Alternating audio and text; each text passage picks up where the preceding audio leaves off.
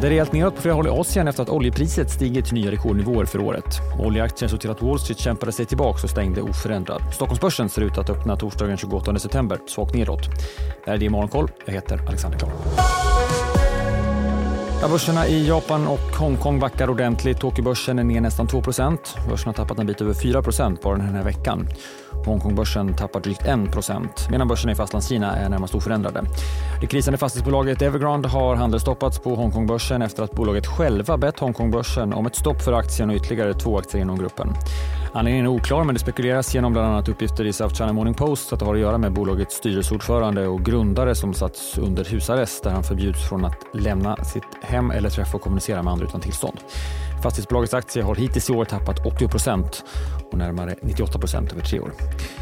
I USA var det en svängig handel under gårdagen med tidiga nedgångar men Wall Street återhämtade sig och S&P 500 stängde till slut närmast oförändrad medan tekniktunga Nasdaq steg 0,2 Oljepriset stod i fokus. Vi fick data på snabbt sinande lager i USA som stärkte oljepriset med nästan 4% upp till en ny rekordnivå för året. Bräntoljan och den amerikanska VTI-oljan kostar nästan lika mycket. Båda går loss för knappt 95 dollar fatet nu. Det här märktes på börsen såklart, där olje och energisektorn var vinnare. Både ExxonMobil och Chevron steg över 3 Jag nämnde Nasdaq och där var Facebooks ägarbolag Meta en förlorare. Aktien backade i samband med att bolaget presenterade nya produkter, bland annat bolagets nya VR-headset och en AI-produkt. På räntemarknaden så såg vi både korta och långa räntor stiga. Tvååringen står nu i 5,12 medan tioåringen i knappt 4,60. Fortsatt är USAs statsapparat på väg att behöva stänga ner om inte Republikanerna och Demokraterna snabbt når en överenskommelse kring budgeten. Det är allt troligare att en nedstängning inleds i helgen efter att representanthuset inte kommer att rösta om senatens förslag om en tillfällig finansiering. Det rapporterar flera amerikanska medier. Och den bilstrejken som pågår i USA den kan utökas från och med imorgon fredag. Amerikanska fackförbundet för bilindustrin hotar med att utöka strejkerna hos Ford, General Motors och Stellantis om man inte når betydande framsteg som det heter innan dess. Mycket att oroa sig för, men storbanken Bank of America oroar sig inte för en recession. Bankens VD Brian Moynihan sa i samband med ett seminarium igår att han inte tror att USA går in i en recession. Hushållen har visserligen minskat sin konsumtion, men det ligger fortsatt på en hög nivå, konstaterar han. Sverige så. Fastighetsbolaget SBB väljer att flytta och senare lägga sin kvartalsrapport för det tredje kvartalet. Istället för att publicera siffrorna den 26 oktober dröjer det nu till den 9 november. Ändringen sker, menar bolaget, på grund av den nya koncernstrukturen som meddelades tidigare i veckan. Medicinteknikbolaget Getinge har ingått en förlikning med försäkringsbolagen Trygg-Hansa och If. Det rör sig om skadeståndskrav för nätimplantat och förlikningsbeloppet som uppgår till 450 miljoner kronor kommer att belasta Getinge under det fjärde kvartalet.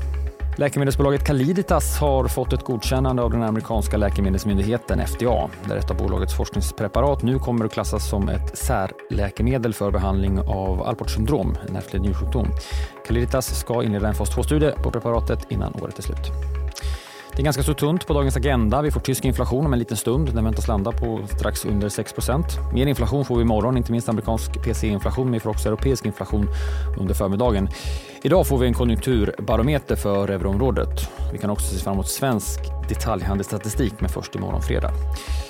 Var Uppmärksamma idag på flera utdelningar som avskiljs i öppningen. Det kan se värre ut än vad det egentligen är. Vi följer öppningen i DTV. Börsmorgon sänder som vanligt från kvart i nio. Det går att lyssna på programmet som podd senare under dagen. Det är Morgonkoll. Jag är åter igen imorgon bitti. På återhörande. Jag heter Alexander Klar.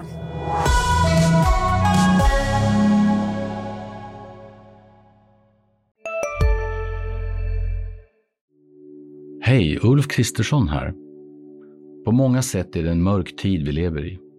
Men nu tar vi ett stort steg för att göra Sverige till en tryggare och säkrare plats. Sverige är nu medlem i Nato. En för alla, alla för en. Vi är specialister på det vi gör, precis som du. Därför försäkrar vi på Swedea bara småföretag, som ditt. För oss är små företag alltid större än stora och vår företagsförsäkring anpassar sig helt efter firmans förutsättningar. Gå in på swedea.se företag och jämför själv. Svidea.